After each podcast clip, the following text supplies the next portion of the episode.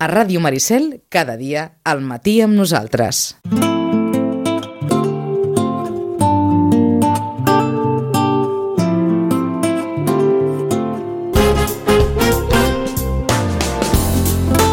Marta Sánchez, bon dia. Bon dia.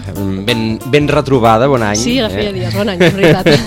Encara que sigui dia 15, cert, certament, doncs bé, per una, per una o per una altra, doncs no havíem tingut encara l'oportunitat, després de festes, de, de fer aquest repàs habitual a la programació de, la, de les biblioteques. Una programació que per on, per on la podem agafar, a veure. doncs sí, repassarem l'agenda de la Biblioteca Josep Roig i Reventós, com sempre, i començarem una presentació d'un llibre aquest dijous, 18 de gener, a partir de les 7 de, del vespre. Vindrà l'autora l'Eva Gavilán, que ha Sí. escrit la seva primera novel·la, titulada Las cenizas del bastón, i l'Alfonso Acero Vici- Viciedo, que també és escriptor, li farà la presentació d'aquesta novel·la, que ens trasllada a una ciutat, a la ciutat de Conamà, i alguns dels ingredients que hi podem trobar és una miqueta de drama, de màgia, molts sentiments, un toc de poesia.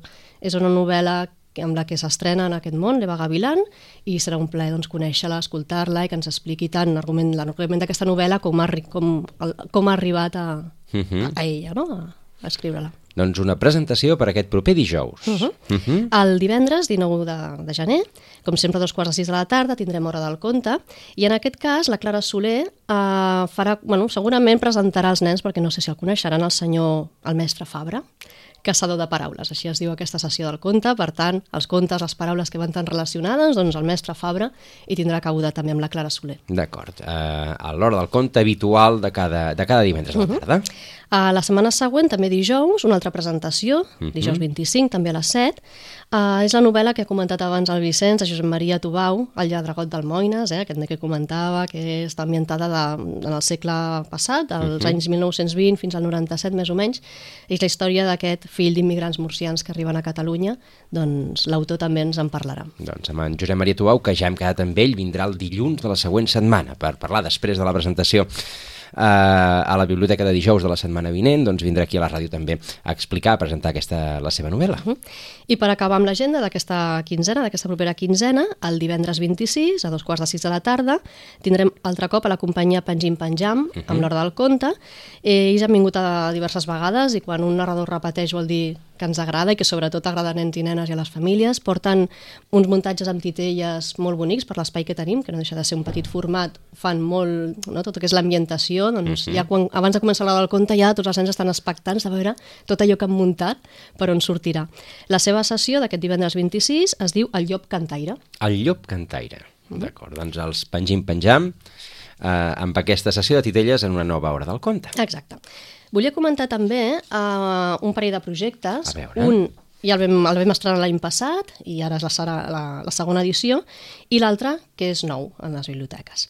Aquest que, que tornem a reprendre després de l'èxit de l'any passat és el Pujar al tren, que és aquest projecte de foment de la lectura per nois i noies de 9 a 13 anys més o menys, que és una edat que de vegades doncs, bueno, ja els hi, els hi costa més perquè bueno, hi ha aquest canvi a l'institut, perquè són més grandets, perquè els pares ja no els porten a la biblioteca i perquè hi ha mil coses a fer a la vida i per tant trobar cabuda per, per llegir doncs, ja requereix una certa voluntat. I per tant, doncs, bueno, per, per animar-los i per fer-los veure que hi ha llibres molt, molt divertits, molt emocionants i que els hi poden fer viure moltes, moltes aventures, hi ha aquesta, aquest projecte, el Pujar al tren.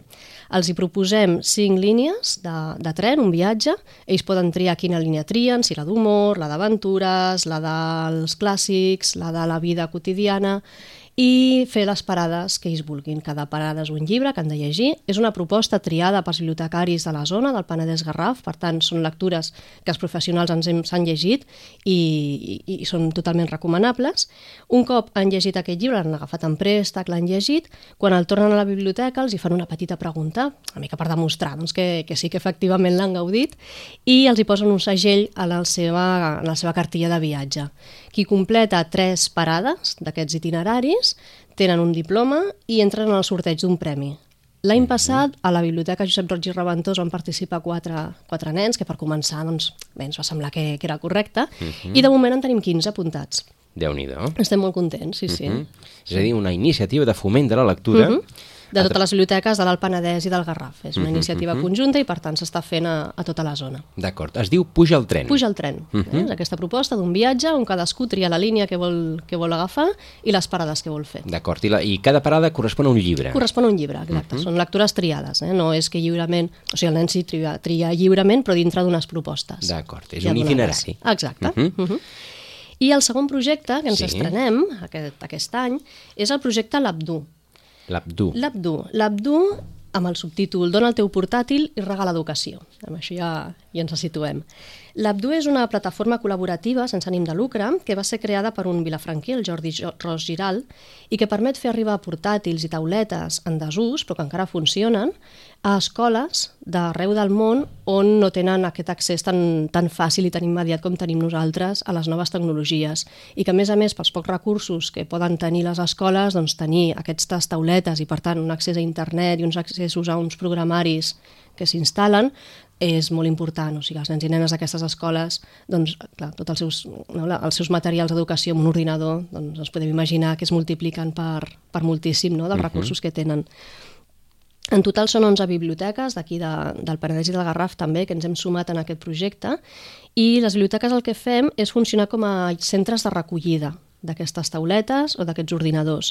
De manera que tothom que en tingui una casa, perquè bé, doncs han vingut els Reis i hi ha hagut un de nou, o ja ens va massa lent, però de fet encara funciona, eh, demanem doncs, això, no? que el portin a la biblioteca, sobretot amb la bateria i el carregador, això és important, i a la biblioteca el que farem serà ser centre de recollida i mm, portar-los, centralitzar-los en centres escolars, en instituts, on els alumnes han fet uns, bueno, unes sessions de formació per poder donar una nova vida en aquests ordinadors, revisar-los, instal·lar-los uns programaris educatius uh -huh. i eh, bueno, doncs, a partir d'aquests centres, quan l'ordinador ja està a punt, passa la, la tercera fase del projecte, que és que aquest ordinador arribi a, a les escoles d'arreu del món. I això es fa amb un cost zero, que és a través de persones que voluntàriament doncs, fan un viatge i porten aquest ordinador en el país on, on ha, on ha d'arribar. No? O sigui, aquest ordinador fa tot un viatge, tot un circuit, de mà en mà, es pot dir, i a més a més amb un codi que el, se, li, se li adjudica, el donant, la persona primerament, no, que era propietari d'aquest ordinador, pot fer el seguiment d'on està en cada moment D'acord, hi ha una traçabilitat, allò que es diu. Exacte, eh? Eh? i fins i tot al final de tot aquest procés ell sap a quina escola ha anat i rep una foto dels alumnes amb aquell ordinador. No? Això per la persona que ho dona és un plus també doncs, bueno, de, no? que li dona bueno, com, com un, un projecte també molt, molt personalitzat, no? que surt Per de les teves mans i va parar a les mans dels nanos que l'utilitzaran a classe. Les persones que tinguin ordinadors o tauletes en desús les poden portar a la biblioteca. La Mhm. Exacte. biblioteca simplement serà un centre de Sí, recollida de d'aquest recollida. material. Mhm. Es demana que hi hagi bateria i que es demana que hi hagi carregador, Exacte. si no, no funciona. Mhm.